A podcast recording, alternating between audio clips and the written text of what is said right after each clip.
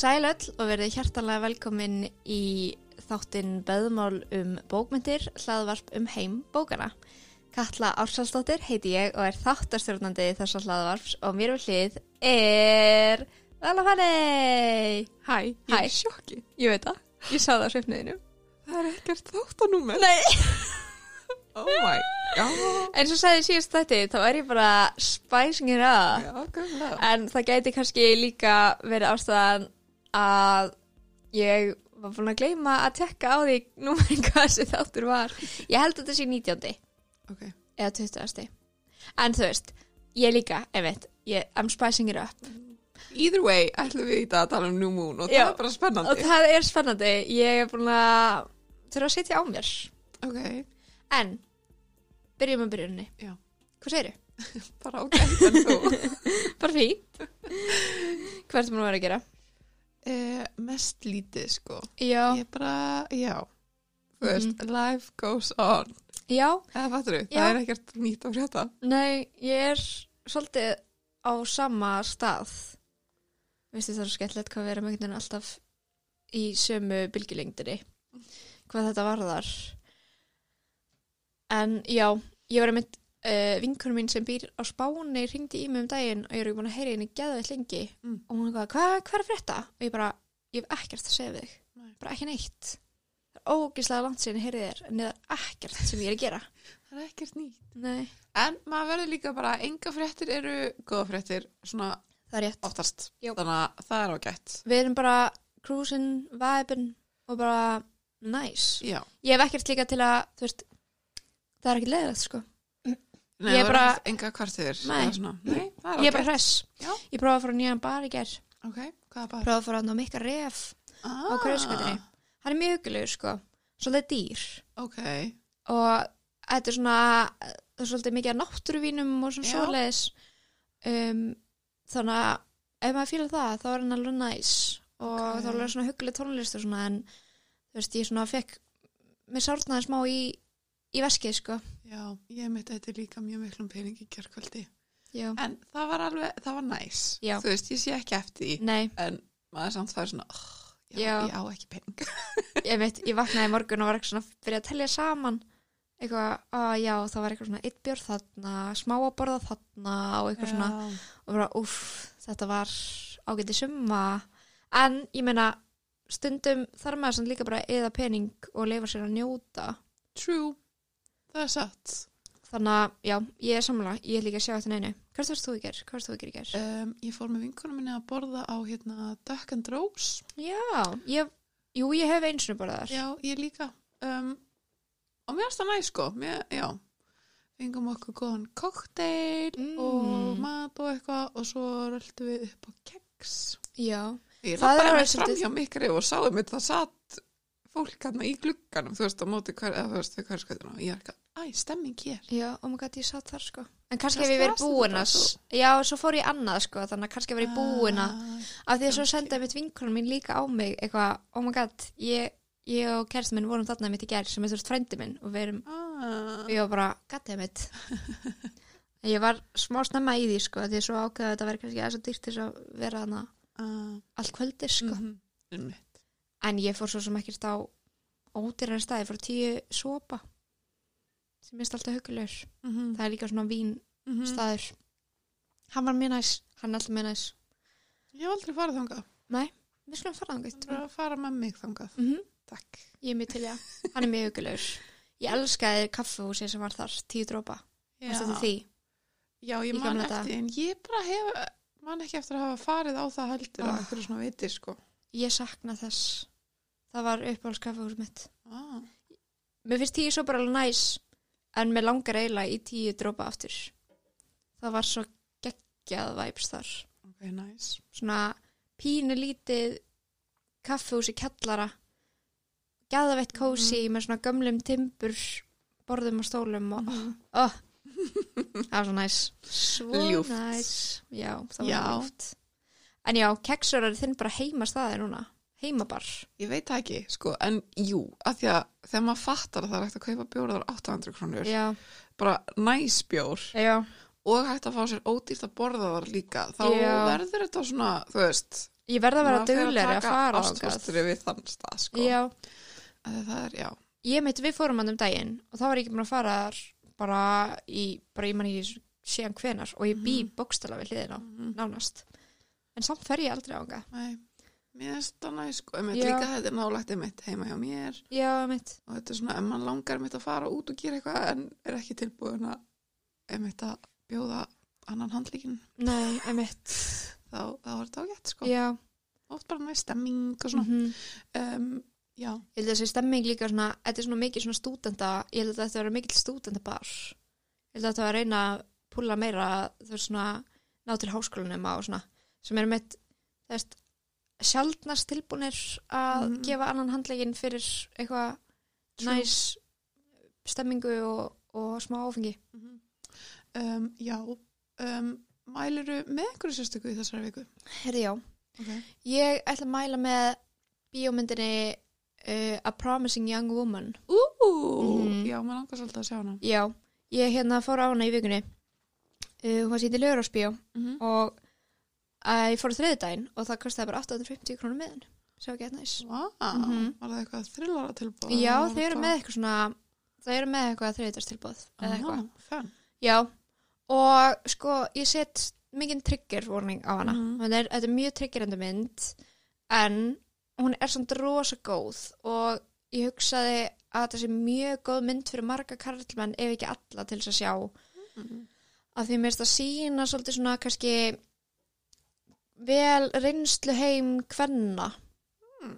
um, og mér finnst þetta sérstaklega viðjandi mynd núna Mhm. eins og umræðan hefur verið um, síðustu vikna og já, þá held ég ég mæli með að allir ég mæli með að allir fara á hana ég mæli með að sérstaklega fyrir karlmenn og ég set trigger warning fyrir um, konur Mhm. í rauninni Já, en hún var mjög góð sko en það var ekki gaman að fyrir bíó Jú, það er ógæslega langt sér fyrir bíó. Ég bara man ekki hvað mynd ég sá síðast bíó Ég Nei, held að það hafi verið Mamma 2 eða eitthvað já, það er alveg Það svolítið er bara langt síðan. ógeðslega langt síðan Það var sko Og ég er að reyna að hugsa, það er ekkert ógæslega langt sér ég fór í bíó.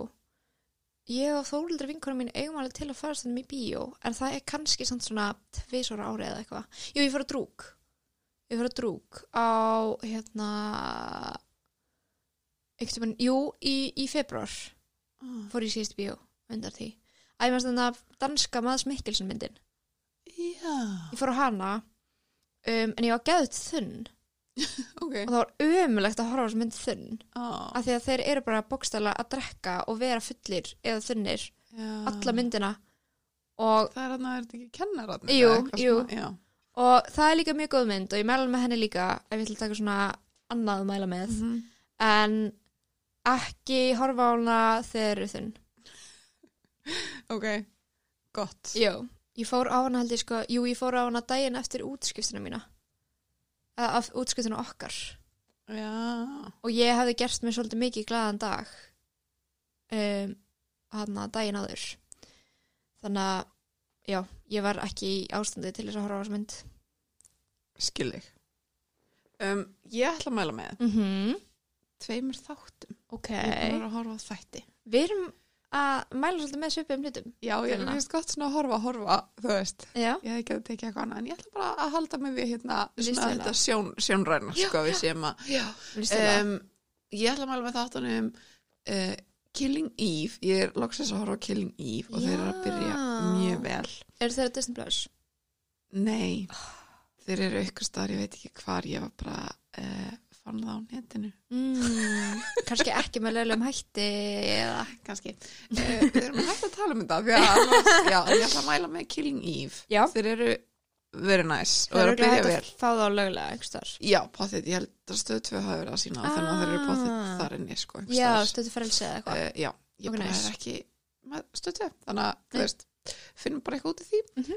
um, Ég er samt bara búið með þrjá þætti en þeir eru að byrja mjög vel ok, og það er hérna að ég horfði líka á Fleabag. Já. Og hún hann að Phoebe Waller-Bridge sem Mm. að leikur í Fleabag skrifaði Fleabag og skrifaði Killing Eve. Ok, og þetta eru samt svona spennu þetta er sko. Já, allt annað en Fleabag. um um, þannig að mæli með þeim. Mm -hmm. og svo er ég líka búin að horfa á þætti sem heita Cruel Summer og þetta sem eru bara að koma út núna og það er svona einni vikustemming yfir því Oh sem er svolítið skemmtilegt Ok, og ég ætla að mæla með þeim þáttum já. Hvernig finnst þér að horfa á bara eitt þátt í viku? Mér finnst það næs sko, en sko Ok. núna að þegar ég byrjaði þá eru komnir fjórir Já. þannig ég gæti tekið þú veist tvo og tvo Já. og það er svona, það er sko að þetta er svona smá úlingadrama Ok, innan gæsalappa. Er en þetta er samt ekki svona dramadrama heldur er þetta sko, einni gælun er rænt og önnur tekur veginn yfir lífennar Oh my God, ok. og svo er þetta atbyrðir sem sagt þrjú ár þú veist 93, 94 og 95 Ó, þannig að þetta er 90s þættir. já, Er- eða þú veist um það tímabil. Er þetta eitthvað svona pretty little liars stemming? sko n- þú veist, nei, ég veit ekki hvernig útskriða þetta, þetta er þú veist um úlinga, Já. en þetta er samt þú veist, að því að mamma er að horfa á þetta líka með mér og henni Já, finnst þetta bara geggjað ok. eða þú veist, hún er alveg að fylgjast með þessu líka og finnst þetta skemmtilegt, þannig að þetta er ekki eitthvað svona cringy Nei, nei, úlinga nei. drama, skilur Já, heldur já. er þetta, þú veist, Kannski svona vel gerðir þættir líka já þessum plotti menga kannski sens. einmitt. Að ég ætla að hérna, spoila pretty little liars fyrir hlustandum þá.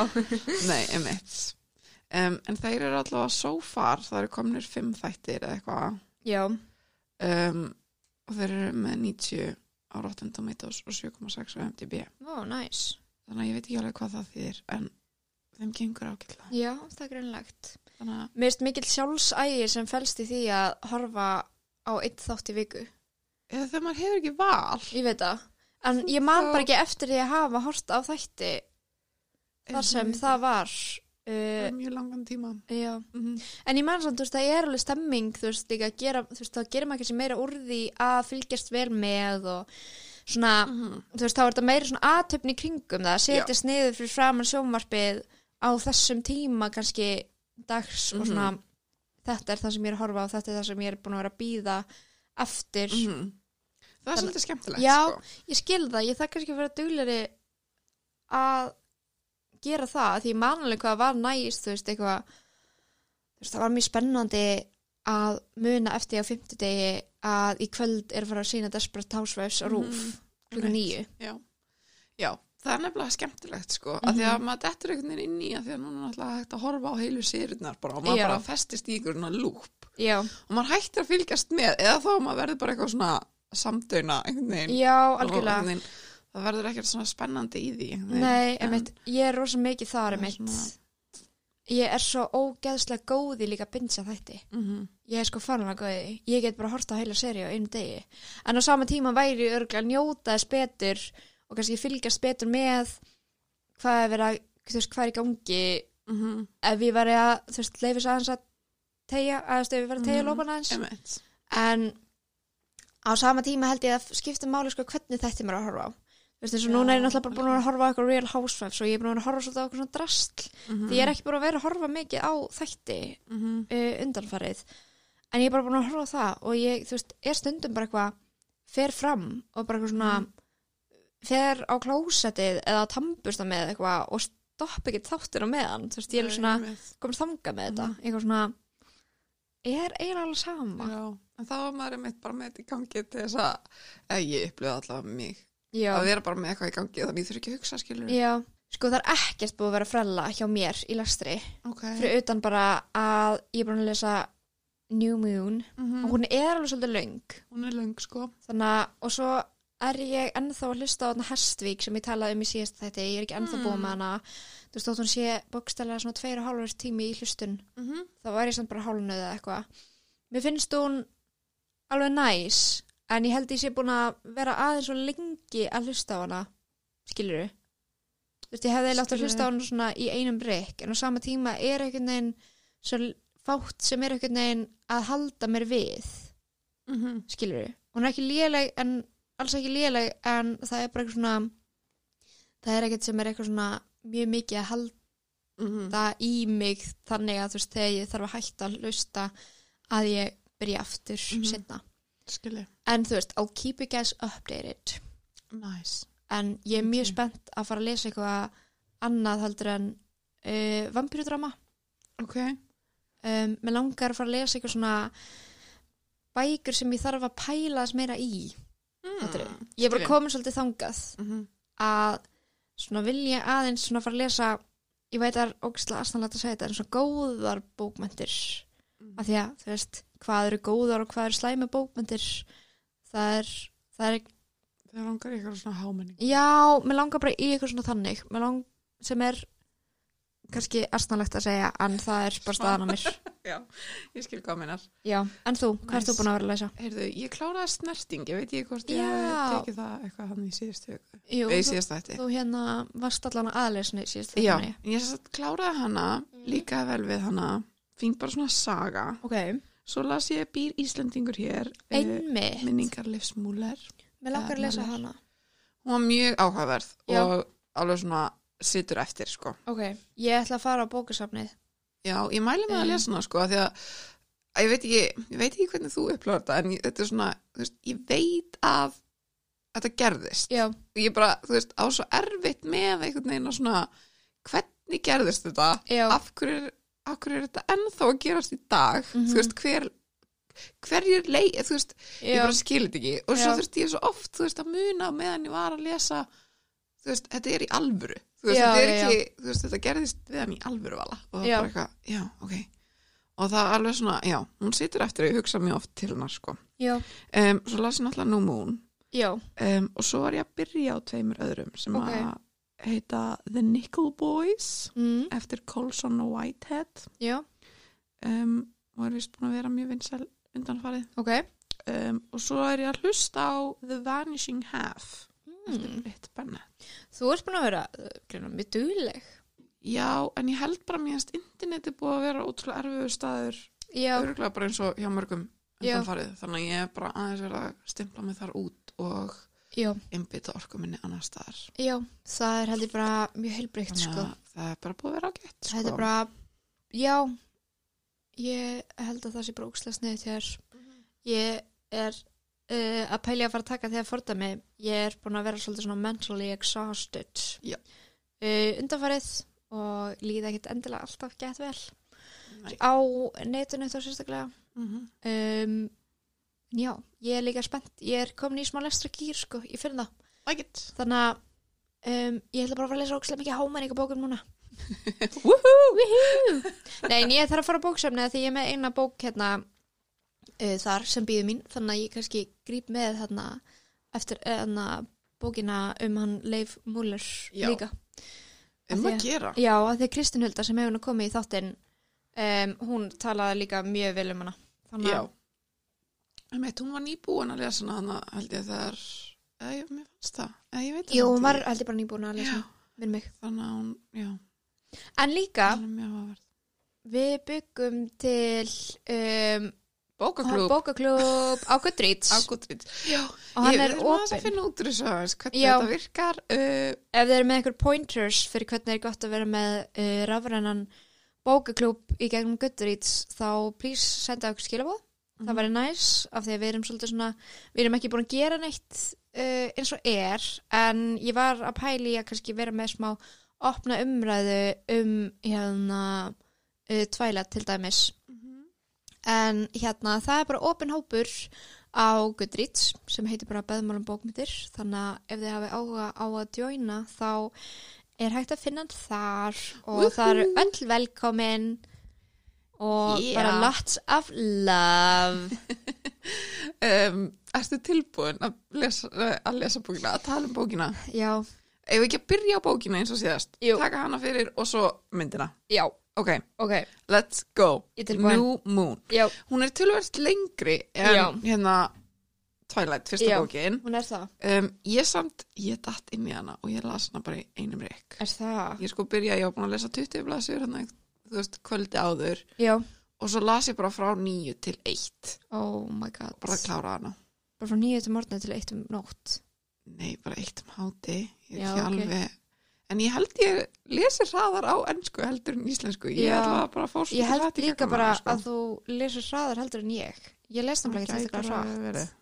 en mér finnst ég lesa þessa hratt Já. en á sama tíma þá væri ég smá lengi með hana ég klára hana bara í morgun sko Já, ok, um, þannig hún er bara fersk í minni hún er bara mjög fersk í minni eða þú veist allavega þú veist síðastu hlutin en ég svolítið Mhm. svona las hana frekar hratt sko, Mhm. ég lík því ekki en ég bara hún held mér ekki eins mikið. Ekki, ok, áhugavert. Af hverju ekki? Ég- Ræðum þetta, af hverju heldum mér mér ekki? fannst hún bara eitthvað svo langdrein Ok, skil. Já, Ég skil hvað þú meinar.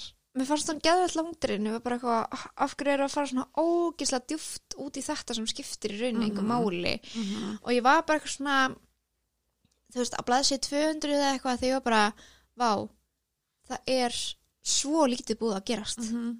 Og ég held að ég hafi líka verið þú veist, fyrirgefið hvað, þú veist, mér varst alveg Twilight langdregin en ég einhvern veginn fyrirgefið það frekar af því ég vissi að það er fyrsta bókin og þú veist, þetta er svona að, þú veist, búa til þú veist, svona grunninn Mhm. að því sem skal koma koma skal Mhm. en þú veist, þá finnst mér að bókum með tvö eigi ekki þurfa að vera langdregin af því að það búið að leggja grunninn að sögunni. Mhm. En ég held sko að því að hér mm. að ég samt skrifa hjá mig líka svolítið mikið af endurtekningu og svona upplýsingu sem að komi fram í fyrstu bókinni. Já, já, og það sem að, þú veist, hefði verið hægt að minnast á hlutina já, heldur en að taka heilu einmitt. þetta gerðist. Og það var eitt hérna það var á bara snemma í bókinni að blaða sér átta. Mm það sem að Æ, þú veist, hún er að tala um Edward og Alice og þau væru, þú veist, sískinni en they weren't really related. Já, og, eitthvað, og svo bara í svika bara í fólks í sagan að Cullen sískinin væru, þú veist, ættleit af Dr. Cullen en þau virka of ung til þess að, þú veist, maður svona við vitum þetta, já, einmitt. Þú veist, þetta er bóku nummer tvö. Já. það eru voða fáir sem eru kannski að fara að byrja hér. Já, og líka þetta er Ég veit ekki, þú veist mér fannst þetta langdreiða því svo er þetta líka ekki alveg nógu þú veist, djúft farið ofan í það að þú gætir byrjað þessar bók æfætturu, mm -hmm. þú veist, þetta er ekki sjálfstætt framhald og það á ekki að vera sjálfstætt framhald þannig skil ekki af hverju að það er svona mikið aftur af upplýsingum. Nei, og líka svona ég skil svona kannski þætti sem skipta máli sem þarf að rifja upp en eins og þetta, þú veist, þetta vita allir. Mm þú veist, þetta er ekki eitthvað sem þú þarft eitthvað geðveitt mikið að rifja upp, fattur mig. Einmitt, að því að mér finnst það, þú veist kemur ótrúlega mikið af eða ekkert ótrúlega mikið en það er á nokkur stöðum það sem eru svigar. Já, og mér finnst þetta svo stygt að þetta er skrifað þú veist, ég. Já, veist, þetta er frá bellu sjónarhóðni já, en ég veit ekki okkur hún er að endur taka þessar upplýsingar alltaf fyrir sig. Já, já, já þú veist, fattar mig, já, þetta er, þú veist æ, þú veist, já, ég veit ekki. Mér fannst það svona Já. pínupyrrandi já, en ég skil kannski að vera að leggja svona mikinn grunn af því að þarna fá að vita að Jacob Black er varulfur Aha.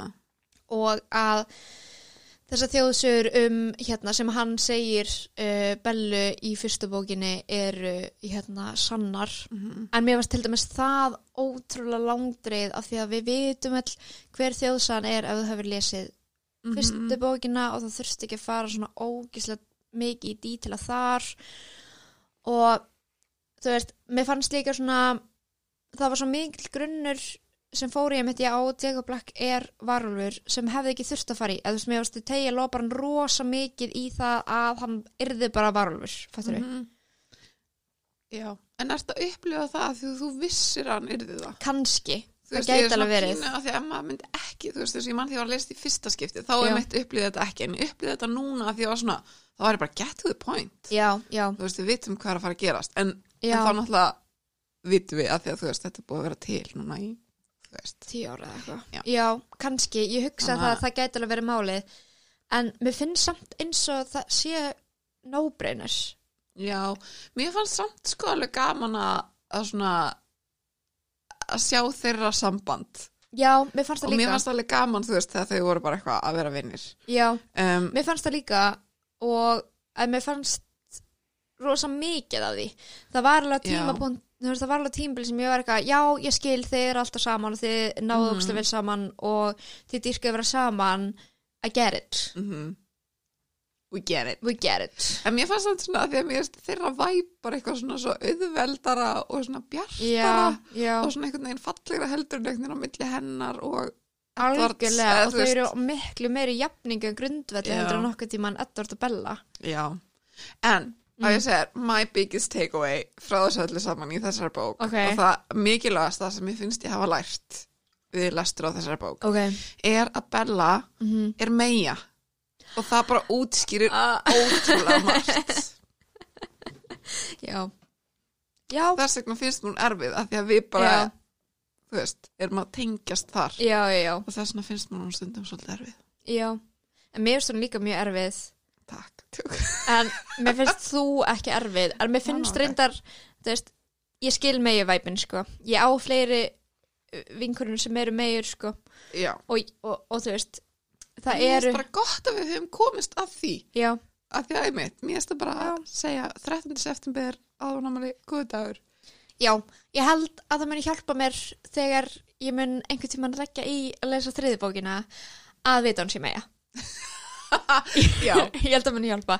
En mér finnst núna ég þurfi samt að vita hvað til dæmis Jacob og Edward eru líka. Satt. Ég mitt hugsaði það, ég þarf aðeins að vita það ekki hérna Mhm. Já. akkur þau eru bónda svona. Ég held við þurfum að hérna, leggjast í smá uh, Google session fyrir uh, Mm. næstu bók. Já, til þess að vera meðut um það. til þess að fá þetta á reynd um, En svo eru þau bara hana þau hætta saman, Já, mikið drama. Mikið drama. Ég fíla það samt sko. Já, ok, Sko það sem, mikið drama. Já, mjög tens. Um, það sem mér fannst kannski, sko, jákvæmt og neikvæmt við það er að það var smá svona, þú veist, maður fatt að það væri eitthvað að fara að gerast. Það var eitthvað bóið við þetta af því að hann var að haga sér svo skringilega. Aha. þannig að maður vissi alveg svona þú veist, það hjælt mér til dæmis alveg ég var eitthvað, ok, af hverju er hann svona skrítin við hana Mm. og hún geðvitt að þú veist, in her head eitthvað, Mhm. hvað er í gangi af hverju er hún svona um, er ykkur hætta, hvað er í gangi mér finnst þess að sé eitthvað, þú veist, mér Mhm. líður þannig í sálinni að þú veist, það sé eitthvað slemt í vændum. En þar til dæmis að því að hún eitthvað svona var að upplega svo mikla hættu í kringum sig en vissi ekki hvað var. Og svo hætti hann með henni og þá einhvern veginn fór þessi hættu tilfinning skiluru og ég var alltaf að búast við einhverju meiru tens þar, fattur mig. Mm. þú veist, að það væri einhver hætta sem er síðan jú, það er hætta en hún er samt miklu setna, fattur ég var eitthvað, er hættan að hann sé að slíta sambandinu? Gæti verið sko. En já, hvað það var dramatíst Svo drándið sko, en ég fílaði samt sko hvernig það var sagt frá bara svona því að hún, þú veist, bara var þunglind já, og mér fannst alveg svona frekar vel útskýrt einhvern veginn eða svona en hvernig það var. hvað það var dramatíst Það var ógstlega dramatíst en ég skil samt að því að þú veist, svo kemst hún upp úr því og mér fannst alveg svona að talað um það mm -hmm. þú veist svona æ, hvernig maður getur orðið bara þú veist, ekki tekið eftir þú veist, eins og hún talaði um með vini sína Já, já. tók ekki eftir breytingu á, þú veist, hárin á henni og já, já, eitthvað svona eins og þú veist, sé bara búin að vera going through, þú veist, bara svona lífið sem smá draugur eða svona já, búin að að taka eftir henni þannig að mér fannst það alveg áhugavert já, ég skildi það mitt og mér varst það skiljanlegt, þú veist, bara svona einhvern veginn, Mhm. bara allt gengur í, þú veist, allt er bara í móðu, þú veist ekki Mhm. hvernig átt einhvern veginn að átta Mhm. þér og ert einhvern veginn bara eitthvað svona að láta tíman líða einhvern veginn Mhm. Algjörlega. en á sama tíma átti ég samt líka svo erfitt með að það voru svo langar líka lýsingar á því hvað hún væri ekki að meðtaka neitt sem var í Mhm. gangi í kringum hana og ég veit ekki hvort mér hafa bara fundist mér fannst bara eitthvað svo óþælt að lesa að því ég var bara eitthvað get your shit together Bella, bara eitthvað hlustaðu á það sem vininir er að segja við þig og þú veist bara eitthvað svona reyndu einhvern veginn meira en á sama Mhm. tíma er það mjög ósangjant af mér að vera eitthvað reyndu að láta þér líða minna illa þegar þú ert bara Mhm. eitthvað í bara mjög djúbri lægð Mhm. um, hvað fannst þér um hann að hún fer síðan með Jessica vinkurinn sinni til Port Angeles í bíó og eitthvað að borða af því að hún er að reyna að sína pappa sínum að, að það sé alltaf lagi með hana og hún þurfi ekki að flytja til Flórida til mömmu sinnar Mhm. um, og hún fer eitthvað upp að einhverjum karlmennum sem eru að standa fyrir utan bar Mhm. og hvað fannst þér um þá senu? Og svo er Angela mannst eitthvað svona að býða eftir en eitthvað plýsa ekki að gera þetta, hvað er það að gera, konta aftur Mhm. eitthvað og er mjög smeyk um þetta Eh, sko mér fannst þetta spes Já, hegðun, en Já. ég skil samt að líka, þú veist, svona riskfaktorin að vilja bara finna eitthvað, þú veist, Já. tilfinningu eða þú veist, og þó að sér hræðisla eða þú veist, hún vill bara fá adrenalín bústið sko. Mm þannig ég skil alveg, en ég skil samt ekki alveg man ekki alveg hvað það var sem að dró hana. Það var eitthvað að hún hélt að einn af þessum mönnum hafi kannski verið einn já, af þeim að sem áreitti að sig reyna- í fyrri bókinni þegar hún var í Port já, Angeles. þannig að hún hefur verið eitthvað svona ég ætla að fara og gá hvort Edvard komi aftur Já. sem hann gerði svo í, í rödd já, sem raddar, í rauninni ofskinnun já. já, um, en sko að því ég skil að því ég merti hérna við á blasið 201 það sem hún talar um að hún hafi verið svona eins og uh, tungl án plánitu já, sem ég fannst svolítið góð svona lýsing að vera pínu stefnulaus að vera eitthvað svona, ég er bara tungl án plánitu og ég veit ekki alveg hvað ég á að gera akkurat núna. Um, sem ég finnst samt svona, akkur þú ekki plánitan og þú veist, já. be your own veist, af því þá var ég mitt líka svona ég hugsaði við, við það svona þarstu þarstu eitthvað hjá þér já. Skilur en ég skil svona að því mér fannst það samt svona góð lýsing á því að vera bara pínu stefnulaus í lífinu og veit ekki alveg hvert, hvað maður á að já, gera. Þannig að ég skil alveg þetta að hún hafi eitthvað svona ætlað að reyna að komast e, í bara að finna eitthvað og hvort að einmitt, hvort hann myndi koma aftur af því hann bjarga hann alltaf bara svona, hann var örugglega Já. að testa hvort hann væri að fylgjast með henni eða eitthvað Já. skilur einmitt. Um, þannig að, en mér fannst þetta pínu stúpid sena, já, svona, þú veist, þetta er bara stúpid. Þetta var stúpid sko það er rétt obviously, Mér fannst líka Bella svo ógeðslega meðvirk með Edvard í þessum sambandsleitum. já Mér fannst hann bara, sorry, mér bara finnst þetta var tókislega boring mér finnst hann fucking legaleg. Sko, mér langaði boring að æla á Edvard. Já, ég bara, því ég var nefnilega pínu bara glöð hvað var lítið af Edvard í þessari sögu. Ég ætla Já. bara að segja það hér út og mér fannst nefnilega þegar ég er búin að hugsa það var ekkert svona steikt eitthvað svona cringy vandræð. Það er bara því að það var engin Edvard. Mér finnst þetta alveg samt yfirdrifið cringy og óþægileg bók. Já, og kannski sérstaklega mitt í lokin þegar Edvard kom aftur. Já, ég er að segja það. En, en Jacob var ekkert svona eitthvað að sleika tár.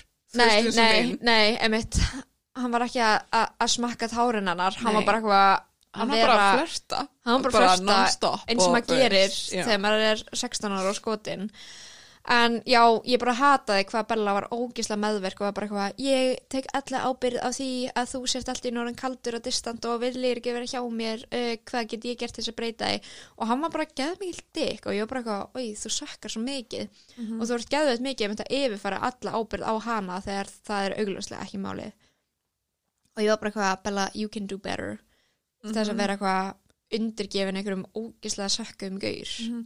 Ég bara, ég skil ekki alveg þetta bond sem þau hafa. Ég Nei, er ekki að koma sko. að það. Ég, Já, bara, ég skil, ég skil það ekki ekki alveg. heldur mér finnst hann bara geðveit mikil dús Já, Ok. okay. þau eiga líka einhvern veginn ekkert sameiginlegt nema bara að vera eitthvað svona svolítið múti. Eða þú veist, Já. ég bara, já, veist, ég skil ekki hvar tengingin eða eru þau bara ógæslega svona útlitshrifin af hverju var öðru. geðveit mikið að segja þetta í fyrstu bókinni og þú varst bara eitthvað, nei, þú skilur ekki, þú skilur ekki People can do hard things. Geta breyst. Já, ég, þú veist, nú er ég bara, ég skil ekki alveg hvað.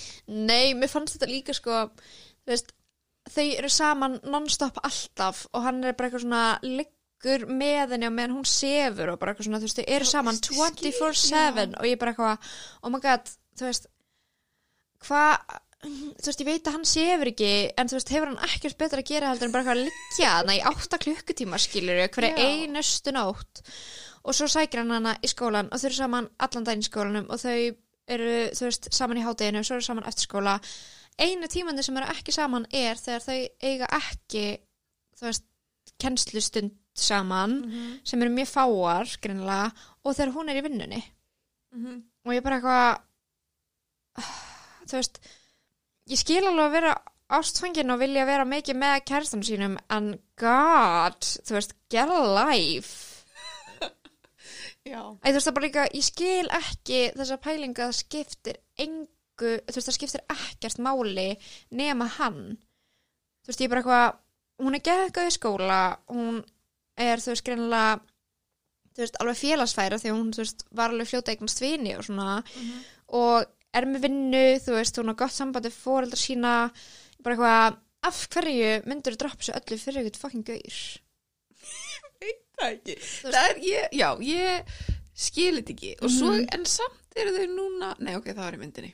Ok, never mind. Ok, um, við tökum það þá. Já, En ok, þegar þau hætta saman þá er það út í skóginum og hún bara eitthvað fer í svo mikið ástand að hún bara eitthvað svona reykar um skógin og svo bara eitthvað dettur hún bara eitthvað örmagnast í meðjum skóginum og bara eitthvað liggur þar endalaust þar til að hún finnst. Bara eitthvað mörgum klukktífum setna og og það sem ég fann þar það sem ég fannst byrja að finna skett óþægilegt er bara hvað er ókslega mikið karlmennum í kringum hana Mhm. eftir að hann finnst þetta í skóginum og mér fannst það bara óþægilegt mm. mér fannst það bara mjög eitthvað svona já, að þú veist ég upplega það bara gett óþægilegt í, allt í, í kringum það Byrju, ég mér þess að tók mynd í screenshot að þegar mér fannst það eitthvað bóið, eitthvað hann segir hérna, viltist í skóginum spurði hann áfram ég tók eftir að margir fylgdist með samræðanum þýr hávaksnir og dökkleitir menn frá La Push byggð, Colette, Indiána við strundina gískaði á þar meðal Sam Júli stóði í hnapp og fylgdist með mér Herra Newton var þarna á samt Mike og herra Webber, pappa Angelu. Ólíkt ókunnu mönnum gjóðu þeir augunum laumulega á mig. Fleiri djúbarattir heyrðist fram í eldursi og fyrir framann útidyrnar. Hálfur bæ, bærin hlaut að hafa verið að leita mér. Mm. Þetta eru bara gaurar Mhm. Og mér finnst það óþægilegt. Það er það svolítið þegar þú segir þetta, þá er þetta svolítið, já. Mm Og mér finnst það að vera svolítið svona þema í bókinni að það er rosa mikið eitthvað svona karlmenn í kringum hana að passa hana og hún er undirgefin þeim. Já, ég ætla bara, skip ahead. Ok. Hún verður hérna ógesla dramatísk bleið, bleið. Blei, blei, blei, blei, blei. Allt í einu verður Jacob varulfur. Gott hjá honum. Já. Æðislegt. Um, wow, cracking open cold. Ó, yeah. Ég háti þín á festi. Já, en, og svo er Jacob aðna eitthvað fleið, fleið, fleið, ég get ekki, ég hef eftir að meiða þig, þú Já. getum ekki verið, þú veist, bara sama sitt og Edvard saði, skilur Ángríns. þú veist, what the fuck, haldið, þú veist, tilfinningum ykkar bara, þú veist, ok, leifið ykkur að finna tilfinningar, frábært, en þið þurfuð ekki að drepa, Nei. eða breytast í varúlf eða vampíru. Já, Þú og veist- líka bara, þú veist, ekki láta þetta ganga svona langt ef þú veist að þetta er að fara að vera niðurstöðunar. Fattar mig? Emitt. Um, og svo samt að því að mér finnst svo dramatíst sko hérna með að Jacob aðna, Já. að því að hann getur ekki verið í sama herbyrgi og vampýrinnar. Já. Þannig að þú veist, það gerist þarna aðeins sem hún hoppar hana af klettinum Já. og Alice sér Það. það og heldur hún sé að drepa sig Mm og kemur þá í bæinn og er eitthvað hérna hjá henni og, og Jacob er bara eitthvað vampýra Mhm. og getur bara ekki verið í sama húsi á meðan í bókinni er Alice svona freka chilluð yfir Jacob Já. þú veist, Já. hún finnur ekki einhverja líkt eða þú veist, ekki svona dramatíst sko, hún fann getur bara alveg- lykt af uh, Bellu eftir að hún hafði knúsað Jacob sem var eitthvað, oi þetta er ekki næsleikt og sama þú veist eftir að hún var búin að knúsa Alice og fer síðan til Jacobs hann var eitthvað, þetta er ekki næsleikt what the fuck. Já, en hann er samt miklu dramatísk Hann er bara, miklu Ég get ekki verið í sama herbyggi á þetta fólk. Eh, hann eitthvað. er líka bara geðveitt dramatískur. Hann er ógeslega dramatískur. Hann er miklu dramatískari heldur en að veit Alice nokkuð tíman Já, og hann er eiginlega dramatískari heldur en Jacob en samt ekki. En það er bara því að finnst Jacob bara gett döll og þess vegna finnst mér hann Mm. kannski vera meira dramatískur. Um, En svo Æ, þú veist, ég veit ekki hvort maður eiga að því við vorum bara að tala um þetta vendunardæmi að það þurfa að passa hana svo mikið. Já, og þegar, að því að Edvard kemur aftur til sögunar mm og þá þakkar hann Jacob fyrir að hafa passað Bellu já, og ég er bara uh, uh. uh. um, en mér fannst það samt alveg svona fallegt að, svona, að viðurkenna hann bara sem mannesku þú veist, hann er Já. ekki að vera leiðilegur heldur er hann að vera, þú veist bara takk fyrir að vera þeirna og vera Já, vinnur hennar og einmitt. eitthvað þannig og það var líst svona eins og hann sagði þetta bara geðveitt innlægt af því Já. ég held að þú veist að Edward hafi vitað að þú veist að hann hafi gert líf fyrir henni bærilegra mm og hún hafi svona fundist hún öðlast tilgang aftur Mhm. sem var vinskapurinn þeirra en á sama tíma fannst mér líka geðt óþægilegt. Eða bara svona uh, fór í taugarnar á mér að hún er alltaf háð karlmönnum. Já, og þetta er alltaf, þú veist af hverju þarf alltaf að passa hana svona Já. mikið, þú veist þú veist, hún er bara klaufi eða þú veist, Já, bara, hún er bara svona af því að þetta er einhvern veginn ekki líka þú veist, ef tilgangun hefði verið að allir hefði vitað að Victoria sem var hann Mhm, Maggie James mhm, uh, ef við tökum recap bara frá fyrirbókinni að það var Victoria, Laurent og James sem Mhm. koma þegar þau eru í hérna hafnaballaleiknum og uh, James uh, vill svo ógislega mikið drepa Bellu að hann er drepinn og Victoria vill hef, hefna hans og drepa Bellu þú veist, eitthvað svona maki fyrir maka dæmi. Um, þú veist, en það ok, og ef það er þú veist, tekið í New Moon. Mhm, þú veist, við vitum að Victoria er eitthvað sveimi en við vitum það ekki að seint mhm. þú skilur og það er einhvern veginn ekki mér veist eins og það sé setna tekið sem það er ástæðan af hverju þeir eru að verndana fattur Mhm, en þú veist, mér finnst þess að séu alltaf allir ykkur gaurar að verndan og hún sé gett undirgefin ykkurum karlmönum og geðu á þeim. Og mér Mhm. finnst það bara ókslega astanlega skilabóð að senda út. Mhm, mér finnst þessi bók líka, ég hugsaði það að uh, svona í gegnum bókina, mér finnst hún mjög mjög karlæg og sérstaklega með að við að hún sé skrifa konu. Mhm, þú veist eins og hérna, hún segir til dæmis hérna, uh, þegar hún er að byrja hennar mikla vinska við Jake og hann er eitthvað að hérna, stúrsastingur í bílnum sínum mhm, og er að laga hann og hún situr hjá honum í bílskurnum og þetta er svona um það leiti sem hann byrja líka að hérna að laga velhjól sem hún fekk gefins. Um, þú veist, sem er þessi áhættu sekna hegðun sem hún leitast síðan í þú veist, af því að hún má ekki vera á svona velhjólum samkvæmt pappa, pappa sínum að svo koma hann að Quimbri, eða Quill og Embry vinir hans Jacob og er eitthvað komin í bílskurinn og er eitthvað, "Eh, kæristæðin, bli, bli, bli, bli, bli og eitthvað. Og fara síðan eitthvað að tala samt um bara eitthvað svona hjól og viðgerður og eitthvað. Og þá segir, eða þú veist, þá hugsa hann eitthvað svona uh, ég gæti kannski hérna eitthvað skili hvað það væri hvað er var að tala um ef ég var karlmaður. Af því að þá hafði hann meiri áhuga á svona hjólum og svona bílaviðgerðum. Mm. og eitthvað, af hverju þarfst að vera með tippi? Af hverju getur ekki bara mm mhm, ekki haft áhuga á því óhá kyni skilur mhm, og mér finnst það er svona að þetta er svo karlar stereotypur sem er svona það er svo óþarfi að koma með þessa lýsingu. Mhm.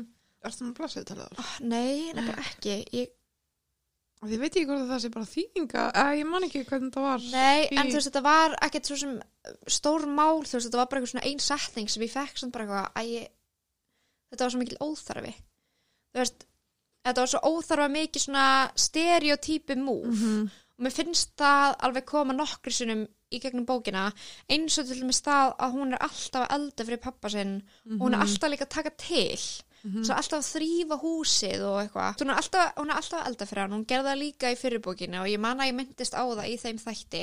En mér finnst það eiginlega ágerast þarna að hún er líka byrjað að taka til og þú veist, hún líka tekur til eftir matinn. Þú veist, þau eru ekki með eitthvað svona system að ef hún eldar þá þrýfur, þá tekur hann til eftir matinn. Mhm, svo eins og mér finnst alveg eðlilegt og ef hann myndi elda þá þú veist, tekja hún til. Mhm, mér finnst það svona veist, það er allavega það sem ég ólst upp við skilur að, að sá sem eldaði þurfti ekki að taka til mhm, eftir matinn og finnst það bara get basic skilur mhm. en hún ger það og hún þrýfur klósettið og hún vaskar og hún ryksuar og hún eitthvað og ég svona mér líður eins og hún sé eitthvað svona bæði mamma Charlies og þernan hans mhm. Þetta En á sama tíma er Mhm. þetta bara eitthvað sem hún ákvað að gera eða þú veist, að ég skil hvað þú ert að segja Já, en að því að það gleymist að hann er búin að búa einn já. í átjón ár eða þú veist, Já. whatever En þá er það Að alltaf bara þetta er af því svona- að hann er svo, þú veist, óhæfur í að næra sjálfan sig er að hann er bara alltaf eitthvað annarkvort borðar hann pítsu en ég meina hann er samt fullorðin maður Ég þú veit það. hún er bara búin að ákveða eitthvað Já, steikt, skilur og ég Já. skil ekki alveg, þú veist, ég veit hvað þú ert að segja Já. um bara skilabóðin í bókinni að konur er að vera svona já, en mér finnst þetta samt líka bara eitthvað sem að Bella er bara eitthvað búin að ákveða og ég skil ekki akkur að hún er búin að ákveða Já. þetta sé hennar hlutverk já En þá er samt líka, veist, ákveður höfundurinn að Já. þetta sé einmitt það sem úlingstúlka ákveður að gera sem er að taka ábyrð á pappa sínum sem er fáranlegt en þú veist, mjög einmitt, steikt. maðurinn er bara eitthvað svona þú veist, maðurinn er bara að búa einn í Mhm. fjöldamörg ár, hann er ennþá á lífi skiluru, hann hlýtur að geta séð um sig sjálfur? En e, þú veist, en mér finnst þið svo upptíkin að þessu síðan í fyrstu bókinu þegar hún er eitthvað að tala um hún vorkinunum svo. Eða þú veist Já. að hann sé bara eitthvað svona grei að því að mammans, mammenar fór frá honum og hann Já. hefur aldrei gifst aftur eða eitthvað fle, fle, fle já, en þetta er samt svona, girl, hann er samt, þú veist, fullanum maður búin að halda sér á lífi. Já, þó hann borði pítsu. Eða þú veist, já, borðið pítsu og borða á einhverjum dænar alltaf skiluru, þá þú veist, já, Af því að líka, þú veist, mjög steikt, sko já, af því þetta er ekki eitthvað svona, ok, mér langar ekki að borða pítsu á hverjum degi mér langar að, þú veist, borða Mhm. eldan kvöldmat þú veist, ef það hefði verið málið þá hefði verið bara you go girl, skilur Mhm. verður með standarda fyrir sjálfa þig og Mhm. allt það en þú veist, þetta er svona ég þarf að þú veist, það er nokk sem líst eitthvað svona ég þarf að drífa mig heima því ég þarf að elda fyrir. Charlie ég bara why? já, bara þú veist, þú þarf að hætta því sem þú ert að gera því þú þarf að elda mat á hann í pappaðin þú veist, nei ég skil þetta ekki sko. Nei. ég svo, ég hef mitt þegar þetta kom, það var ég bara hann er búin, þú veist, að því hef kunna meta sko frá honum að vera bara eitthvað, heyrðu, nú ferðu bara þú þarft að koma þér upp úr þessu Já. ég fílaði smá tough guy Charlie já, Því að hann er líka bara bý- býrð með mömmuðinni að þú kemur, að Já, að þetta er bara ultimatum af því að hann Já. hefur líka þú veist, hagsmunni hennar svona í fyrirrúmi Já. sem bara eitthvað as he should, Einmitt. en þú veist, eitthvað svona sem hún er bara eitthvað ó, ha, er hún sama um mig sem í finnst mér, eða þú veist, mér finnst hún stundum taka honum sem bara eitthvað að hann er hann að, ne að þú veist að með að hann er svo tilbúin að fórna svo miklu fyrir hana og hún er aldrei tilbúin að taka hans sjónarhóttin gildi Mhm. mér líður eins og Charlie sé vannmetinn á þessu heimili algjörlega Mhm. sammála en einmitt ég skil ekki þú hún er stað með Jaka og þegar bara eitthvað, ég þarf að drífa mig heim að elda fyrir Charlie Já. maður er svona, hann er svo peppaður í það þú sért eitthvað staðar úti að Já. gera eitthvað. Þú veist, nei þú þarft ekki að drífa þig heim. Nei, emitt, maður Hættu getur alveg þessu. borða pítsu þá, Já. þú veist, af því þú veist bara að elda onni hann skilur í kannski þetta eina ár sem þú veist búin að búa þarna. Hann má alveg, þú veist, hann má alveg borða pítsu yfir sjónvarpinu, skilur Mhm. once in a while. Eða um, bara oft ef hann langar það. Já, eða það, hann er fullar á maður. Hann getur borðað það sem hann vill. En ég er að skynja einmitt bara ógesla úrelta staðalmyndir já, svona um kynja hlutverk í, í þessara bók og það var sem er að líka eins og hérna þegar við kynnumst Emily sem er hérna unnusta Sam Júli Mhm. sem er hérna fyrir já, recap, það er hérna einn af sem er í svona flokk svona paktinu eða þú veist hvað sem er hópnum hans Jacob þegar uh, hann verður varulus hann þeir er eru í sem sagt svona fyrirliði hópsins, Já. hann var sem sagt Úlfur fyrst Já. og nú er hann búin að svona taka hína undir sinn vang Já. svona, og það er líka sá sem fann hérna Bellu út í skóginum þegar hún eftir sambandsleitin við uh, Edward. Þú veist, þau svona fara ekkert um hann heim til uh, Sam og Emily og Emily er þá að baka. Hún er að baka muffur og þau koma í einhverjum svona tveimur hollum inn. Þú veist uh, em, hérna Bella kemur með hérna einhverjum þremur úr paktinu og svo kemur eitthvað svona Jake og einhver Paul minnum mig setna inn að því þeir eru eitthvað að slást og úlfast eitthvað mm. út í skói og hérna, en hún er að baka hún er að baka muffur og bara eitthvað, já, næs þú veist, en hún er að baka fyrir þá. Og svo er því líka líst þegar hún er að búa til einhver svona scrambled eggs einhver eggihræru og gerir óksla mikið af því og setur það síðan á borðið þegar Jake og Paul koma inn og þeir setjast allir strákarnir og háma matin í sig, muffunar og eggin. Og á meðan er því líst að bara eitthvað, Emily bara stendur bara ennþá við þú veist, hérna, eldavélana og Bella stendur líka eitthvað svona bara við eldursinnritinguna og er eitthvað svona að narta í eina muffu. Þú veist og það fannst mér líka svo ógislega skýrt eitthvað veist, þau, þær eru ekki að fá að borða með þeim. Mhm.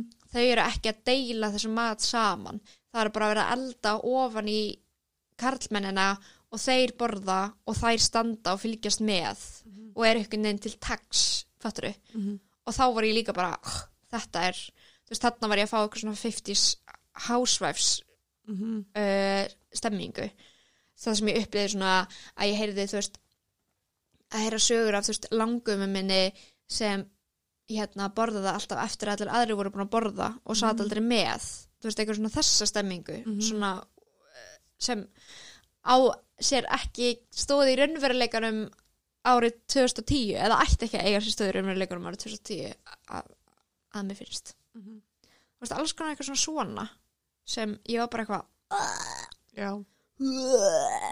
insert uh, ælu sound effect ætla ekki að gera það ekki ekki En já, mér fannst það er margt í þessari sögu sko og svo náttúrulega er það hann að Voltúri Voltúri já, hópurinn sem að er svona The Royals of the Vampire World yeah. og eru svona já, eru pínir svona stjórnendur eða þú veist, Já. eða hafa eitthvað svona ábyrðarstöðu og það þurfa allir að fylgja þeirra reglum eða svona Já, já, já. þannig. En þau eru svona vondigæin eða svona Já. einhverjamaður. um, svona, ég get ímynda mér að þau munu verða volndigægin í mm, uh, eitthvað af næstu bókum þau voru alveg ógnandi þarna eða Já, þau þau voru það, alveg með sko. svona skýrskilabóð sko. um, og ég veit ekki alveg hvað mér finnst um Voltúru, ég hef upplifað það líka fyrst þegar ég var að lesa Mhm. finnst þetta svolítið boring svona að ég held að Mér mér langi bara í dramatíska ástasögu þar sem að annar aðalinn er vampíra Já. og það er drama út af því já, en mér langar ekki svona pólitísk drama þú veist, Nei. um eitthvað svona sko. ég held að þetta verði, ég er svona smá þú veist svona þarf að gera mig andla tilbúna í þetta drama Mm. flækjustig, þú veist, að því ég finna alveg að þetta er að stigmagnast og það Mm. flækjustigin er að verða fleiri og meiri og þú veist, það er verið að byggja alltaf stóð í eitthvað svona ógislega mikið drama og brjálað bara eitthvað stríð eða eitthvað, en ég er bara eitthvað "Ah, ég er ekki, ég er ekki tilbúin í það Nei. þú veist, mér er bara fyrsta bókin bara nice, Mhm. dramatíst oh my god, hann er vampíra uh, eitthvað Einmitt. og það er einhver sem uh, vill dreipa hana og svo gerðist það ekki og they're living happily ever after þú veist, mér finnst það svona nógu Mhm. mikið drama level Einmitt. fyrir mig sko. Einmitt. og mér finnst alveg næst þú veist eins og í þessari að, að- einmitt, að dramað síðan fara út í að ok, það er annar strákur sem ekki er skotin í henni. Já, já, þú veist, ég fíla það tensjón alveg, Já, þú veist, svona eitthvað ok, býtu, hva, hvern mun hún velja skilur en ég nenni ekki þessu svona uh, hliðardrama. Já sem Anyways. er ekki semi hliðardrama lengur af því að það er einhvern veginn hitt er orðið hliðardrama.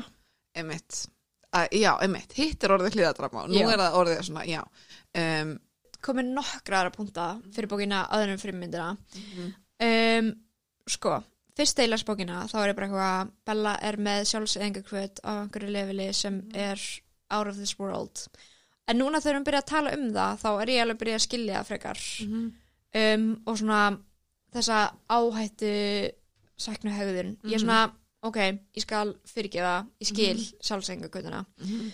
um, ég tók líka eftir að það er bókstælega tvær konur í þessar bók Mhm. og það eru auka personur döðans og það er þú veist Alice og það er Emily og Mhm. jú, kannski Jessica í smá í byrjun bókarinnar Mhm. mér finnst það ekki Nei. I kinda hate it Já, en er, já, mér finnst nefnilega Alice er orðin meiri hluti af sögunni heldur hún var, eða þú veist. já, hún er að verða það er- en hún náttúrulega var ekki hluta sögunni nema bara eiginlega í lokin þegar hún fór að hafa í rauninni einhver áhrif að framvindi sögunar Mhm.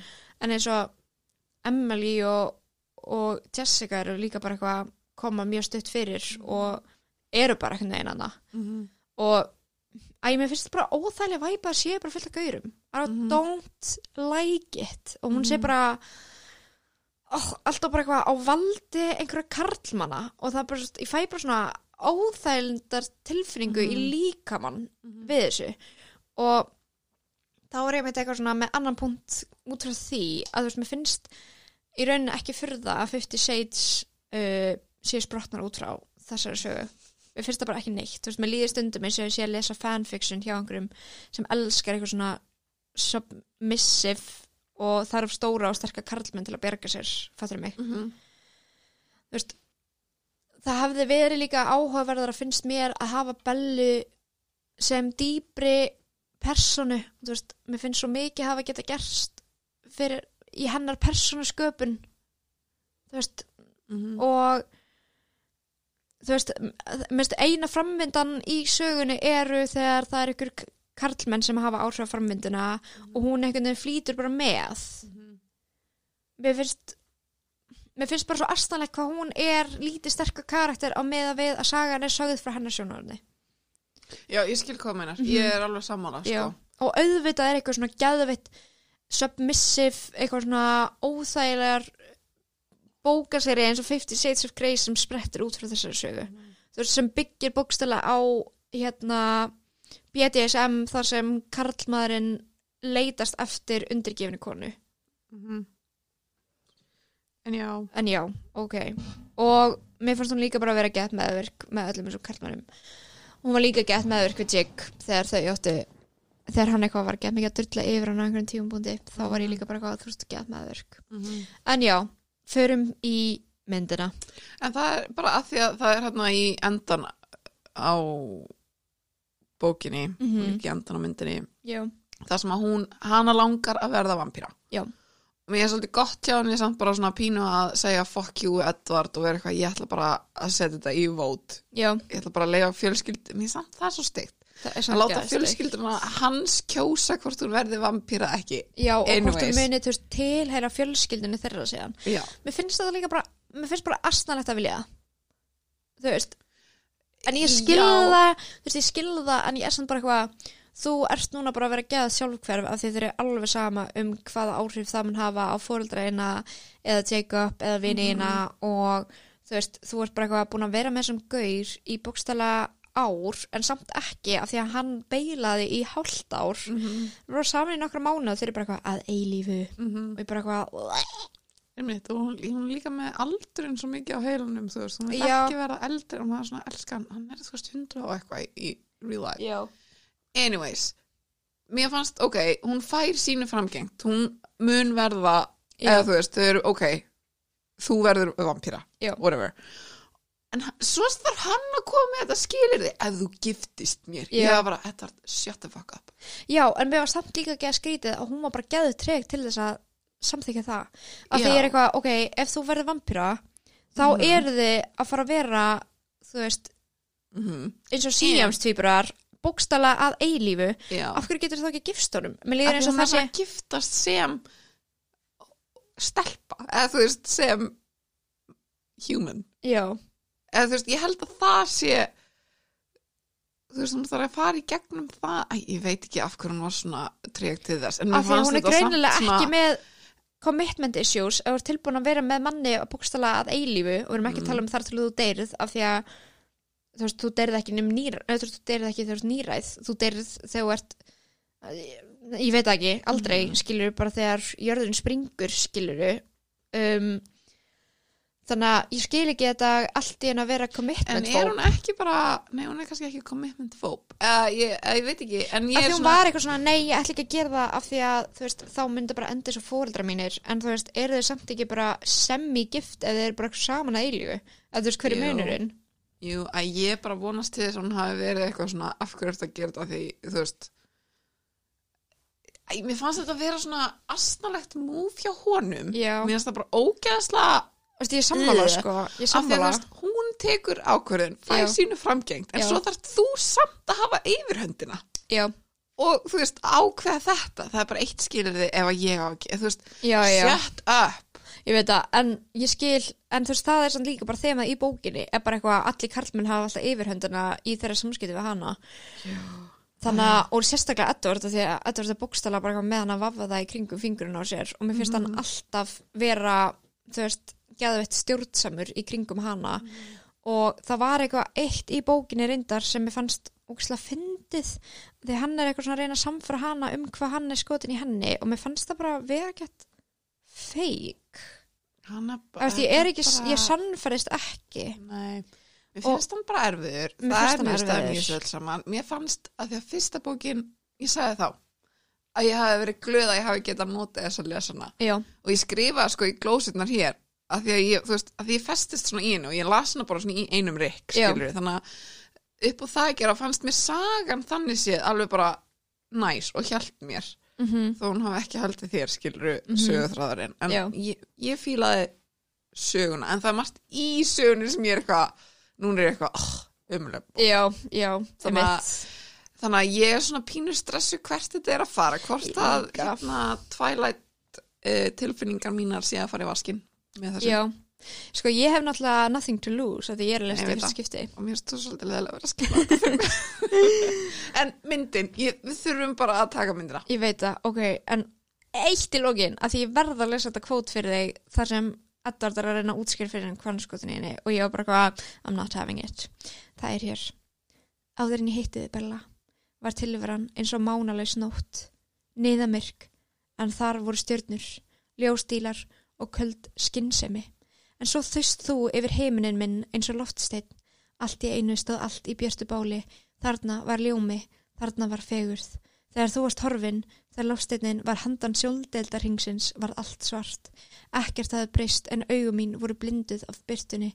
Ég sá ekkert lengur styrnunar og það var ekki lengur vit í neinu.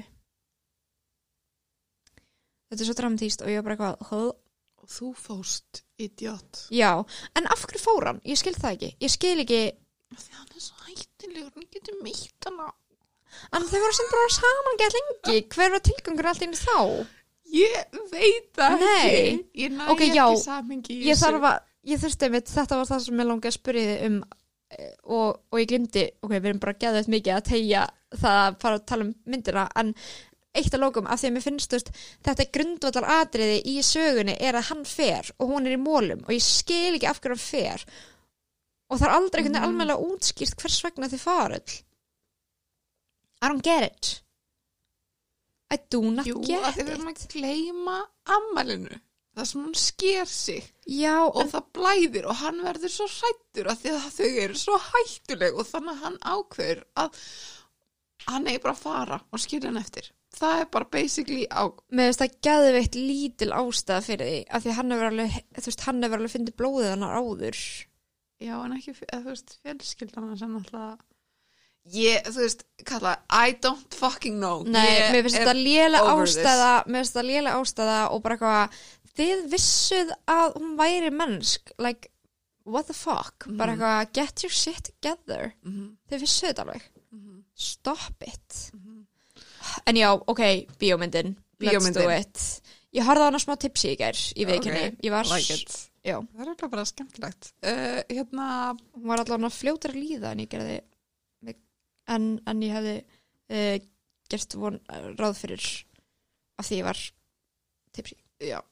Um, svo mikið drama. Oh my god. Svo mikið drama. Svo dramatískir andadrættir já rosa mikið um, rosa mikið eitthvað svona með leið eins og að það væru allir eitthvað svona annarkvort með eitthvað svona prumpulikt í kringum sig gett mikið og þess svona voru þeir þannig á svipin eða eitthvað svona þurfti geðveit mikið að kúka. Ah, ok. Mér leiði eins og það hafi verið leikstjórn var bara eitthvað svona, ok þóstu og þarf geðað mikið að kúka og geðað mikið að halda í þér og það er svipurinn sem ég vil fá frá þér. Já, skilji, já. Um, þetta er bara, þetta er ah, ég skil, ég bara ég skil ekki hvernig þau leku þetta. Eða þú veist, ég bara þú veist, að vera bara, sko- ég ætla bara að vera hérna gett leið og vera bara svo eitthvað þú veist, ég bara, I don't get it. Nei, og mér finnst þetta lélega leikstýrt og ég bara eitthvað, sko ég skildi til dæmis ekki dýnamikina á milli Jacob og Bellu í myndinni sem ég skildi í bókinni. Mm mér finnst bara dýnamikið þeirra ógislega léleg og mér finnst þau bara allt í henni að vera orðin gekkaði vinir og það var ekki útskýrt veist, það var ekki útskýrt tilfinningar þeirra gaggurt hvort stöðru -hmm. og það var ekki útskýrt af hverju voru svona góði vinnir og hvernig það gerðist einhvern veginn. Bara byrtist einhvern veginn. Já. hæ, ég er með hjól. Já, og líka bara þú veist hún mætti alltaf bara með hjólið og það er Já. ekkert útskýrt eitthvað hmm, af hverju þessi áhættisvækna hegðun uh -huh. eða af hverju eitthvað, veist það var bara já, það var ekkert útskýrt þetta var alls bara eitthvað, allt Jú, gerðist. það er útskýrt kallað þú ert að, að því að hún, ég fíla í bókinni Já, að hún tekur þessi, innri dialog sem er í bókinni Já. er tekin og það er breytt í að hún sé að skrifa bref eða tölvupósta til Alice. Já, já, ég sá það og þar jú, tekur hún alveg ímestlegt fram sko. Og þá náttúrulega áður hún mæti með hjólin er hún náttúrulega búin að fara í Port Angeles og þú veist. Tala við Já. þarna gæjan þar. Þar sem að Edvard byrtist eins og einhver fucking draugur. Það Já. var svo því það að var svo það óþægilegt var ekki bara rödd heldur var hann hann bara eins og einhver draugur og svo bara svona guðvar upp eins og Já, einhver andi já, já, og ég já, já. bara, oh my god, þetta er ræðilegt já, mér finnst þess að hann hefði frekar mátt bara vera rödd. Já, en mér finnst samt eins og hún taki fram aðeins í brefunum, þú veist, eitthvað svona þú veist, eitthvað svona áhættu og eitthvað, þú veist, já, að sé, þú veist. En mér fannst bara þú veist, af því það er alveg skýrt í bókin eitthvað svona já, þú veist, hvernig hún fekk hjólin. En hún bara mætti Mhm. með tvö ónýtt hjól Já, heim til Jacob sem er eitthvað það hefði bókstælega þú veist, lengt myndina Mhm. um tvær mínútur ef það hefði bara útskýrt hvernig hún fekk sér hjól. Mm emitt um, Annað, þú veist, að því að myndin er bara það var svona bara, Spes confrontationið hennar við úlfagæjana af hverju? Hverju leipur hún út úr húsinu og byrjar að öskra? Ég Ah, skil ég ekki skil. hvaða plott það var, bara til þess Nei. að gera myndina meira spennandi eða eitthvað, þú veist, ég, ég bara skil þetta ekki. nei, veistu ég ætla bara að segja það að mér fannst þessa mynd ógislega leðileg Veistu, mér er það líka, ég skal horfa á hana á speed 1.5, af því að bara, ég get ekki, ég þarf að koma að það. Um, ég sko stoppa, ég tók sko matarpásu og eitthvað svona Já, í svona mynd og ég var bara eitthvað, ný um, Alice, svo stylish, já, hún er flott um, í bílnum, þegar þau eru komnar til Ítalía að fara að bjarga já, þetta. komið með eitthvað Það klút yfir að hæs já, er hvenær hafði hún tíma til þess, þú veist, ákvæmum þetta lúk í flugvélun eitthvað, kannski það er að skvísa eða þú veist, að meðan Já. hún var að stela bílnum eða þú veist, hvenær var hún eitthvað, ég ætla að vera að pæja. já, emitt bara, en þú veist, ég, ég kunna að meta það en ég skil ekki hvernig af því það voru geðveikislega mikið að drífa sig Mhm. en hún hafði sann tíma til þess að breytum átvitt og setja slæðu á bara, sér Vá, svo skrifaði hérna, þegar Bella var að hlaupa, þannig að hún hoppa út úr bílum og var bara, hún er svo djúlega að hlaupa. já, hún er mjög að hlaupa Um, hún hljóp með þess að pínu rætt já, sérstaklega fyrir mig að því að hraði nú náttúrulega 1.5. Já. Þannig að hún var bara sjúm, sjúm. En að því að þær voru eitthvað, við hefum bara 5 mínútur og hún var bara, oh my god, 5 Já. mínútur. Og líka hún vissi hljóp svo ógæðuslega mikið. Ég var bara, ef, að- ef þetta hefur ég ég hef bara gefist upp, ég hef ekki getað hlaupið.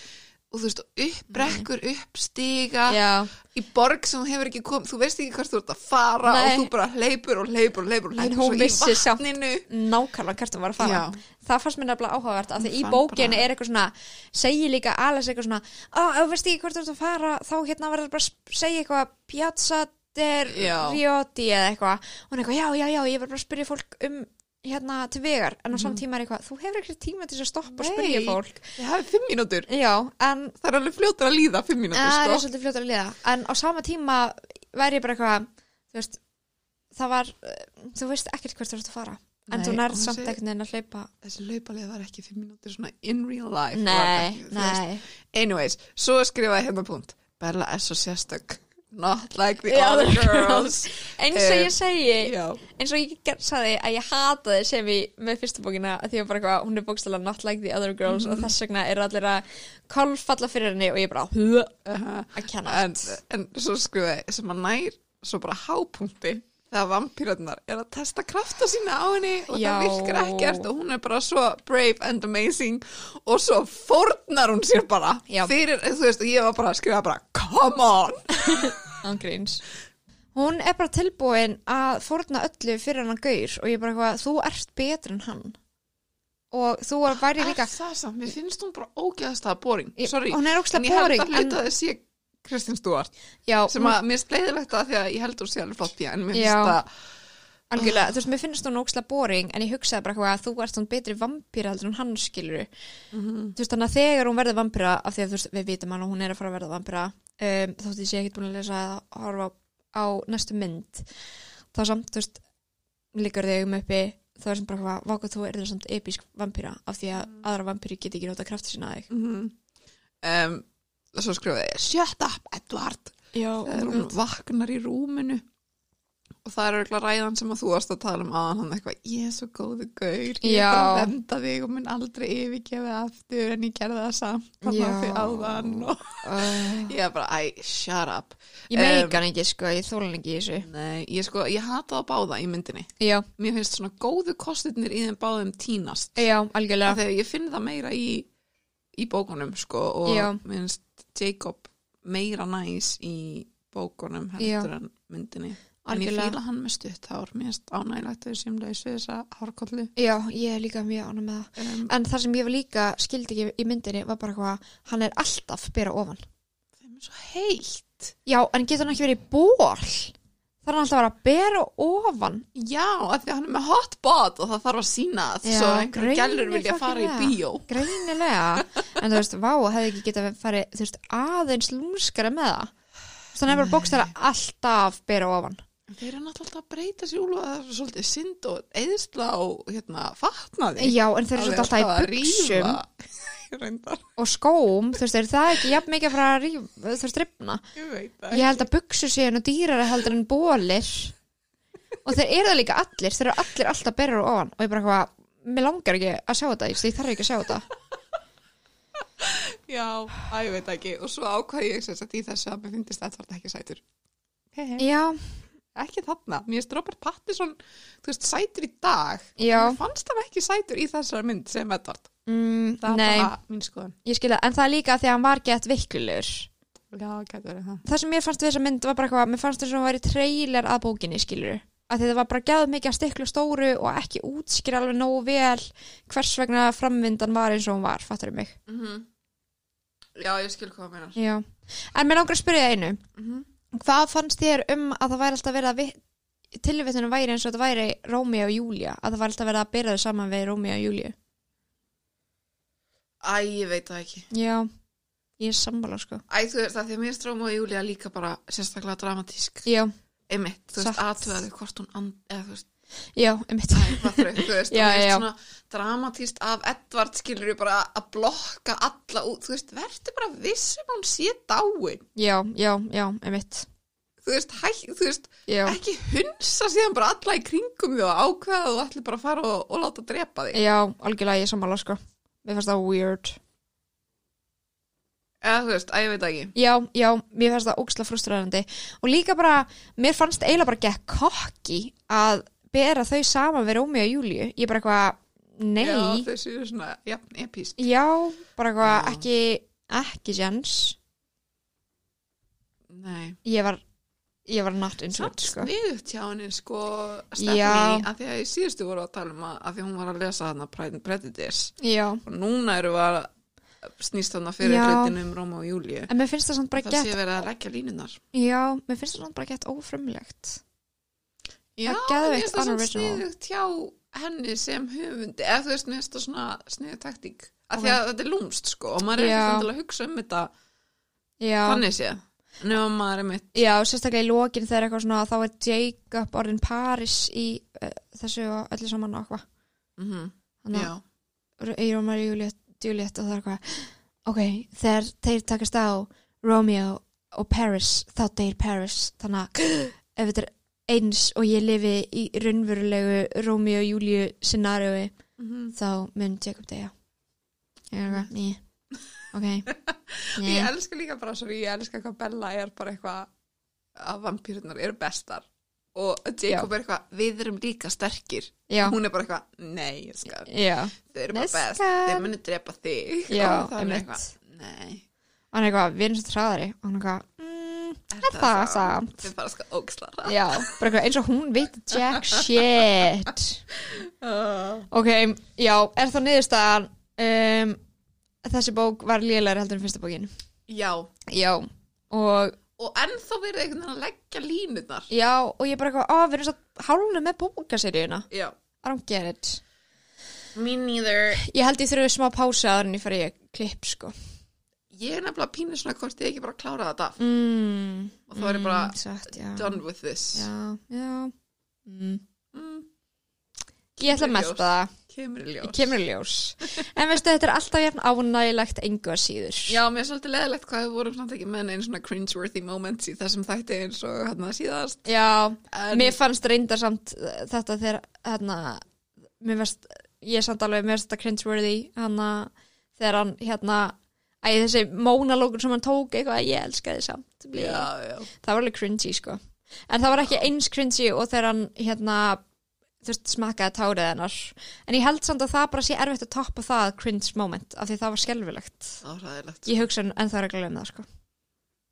Mér fannst það sikarlegt svo, ég er bæðið svo horny, ég elska það. En er þið, þeir var aldrei sofið saman. Nei, hann er vampír og hann gæti meitt hana oh, oh, Við þurftum að taka það. Við þurfum að ræða það eins Þau eru bara eitthvað tilbúin að vera saman forever en þegar verður eins og ekki stund að kynlíf saman. Hvað það væri bara öfulegt kynlíf. Hvað er bara gett lélir í rúminu? Ég held að hún sé lélir í rúminu. Ég held að bara sé ekki góður sex partner Það er mitt teik Gæti verið, gæti verið. En ég veit ekkert hvort að hann sé eitthvað mikið skárri sko. En ég held að hann Nei, sé bara meira sko- horny samt. Mér finnst samt að því að hún segir eitthvað svona í fyrstu bókinni þá er eins og hann gefið til kynna að hann hafi aldrei heldur. En, ég, Já. en kannski var það samt bara eitthvað weird. Mm. Er hann bara búin að vera virgin í 110 ár? Þetta Oh my god, þau eru bara bunch of virgins. Já, þetta er svona svo Nei, ok, það er líka alltaf teórían læg- um Captain America. Já. Og það er samt alltaf lægi að vera virgin þegar maður er 17 ára. Það er ekkert á því. Bara, maður gerir er bara, maður stundar bara kynlíf þegar maður námskar það Já, og, þú þegar maður er tilbúin já. En ég hugsa bara þegar maður er orðinn 110 ára er aldrei neitt tímabúndi þar sem maður er tilbúin að stunda kynlíf, ég veit það ekki en þú veist, ég er ekki vampíra En sko, ætla að séu þú veist, ætla hann hafi fundið aðrar vampýrur heldur en bara sko systur sínar til Já. þess að stunda ekki, þú veist, það er það, það. Er ekki eitthvað svona vampíru samkomur aldrei eða? Hvernig væri það? Partí að ekki. Eða missir maður kannski bara, en þú veist, mér finnst hann alveg vera horny þannig að hann hefur allan ekki mist Já, hann hefur ekki mist eiginleika Þannig að er hann bara með eitthvað 110 ára uppsopnaða grætti Ég veist Þú veist, myndar kannski bara, ef hann myndi byrja að stunda kynlíf, myndar það bara aldrei kannski geta hægt að hann getur ekki svala þorstanum sem er grættan Ég er bara að velta Ég sig veit ekki, hann bara unstoppable ef hann byrjað Já, Já. ég veit það ekki. Vistu, góð pæling. Fá vampýrur stampinu? Spurning dagsins. Stóra spurningar sem að, já. Ég vil að þið svara þessu, kæri hlustundur Hvað finnst ykkur? Fá vampýrur stampinu? Ég ætla ekki Eru að segja þær neitt ógisla horny? Ú, Eru allir get horny? Hver veit? Ég meina allir það ekki. Such is life. Já, such is life. En ég vil bara þakka ykkur fyrir hlustið, kæru hlustendur. Uh, Þetta er alltaf ja, ánægilegt uh, Ég vona að þið followið okkur á þeirri streymisveitir sem þið er að hlusta á þáttin á Reytið okkur ef það svo streymisveita er Apple Podcasts Það hjálpar okkur mjög mikið Mæli líka með að þið fylgjið okkur á Instagram beðmál um bókmentir og fáið the latest update beint í æð Annars þakka ég bara kærlega fyrir mig og við heyrumst í næsta þætti. Bye! Vá Wow.